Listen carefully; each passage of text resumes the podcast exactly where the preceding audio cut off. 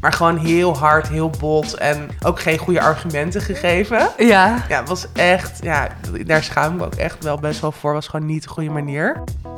Dat je eigenlijk wordt gedwongen om over jezelf na te denken. Ja. Omdat je vrienden keuzes maken waar jij niet achter staat. Precies.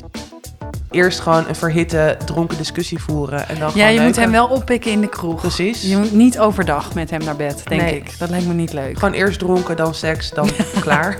Vrienden die eh, jaren geleden met hulp van hun ouders in Amsterdam een huis hebben kunnen kopen. Hmm. En dat dan nu voor tonnen aan overwaarde verkopen. En dan zeggen, ja, ja, ja, ja, ik durf het eigenlijk niet te zeggen. En dan denk ik, nee, het is ook misschien wel beter dat jij je bek dicht houdt. Ik pakte haar hand vast en ik zei: Mevrouw Palme, ik ben ontzettende fan van u. Ik studeer Nederlands. Het is ook met Joris Luijendijk, zeg maar. Die, die kan je dan af en toe gewoon, als je hem zat bent, ook vragen... Sorry, zou je je willen omdraaien? Ja, dus jij zou nooit in een woongroep willen wonen. Hell no.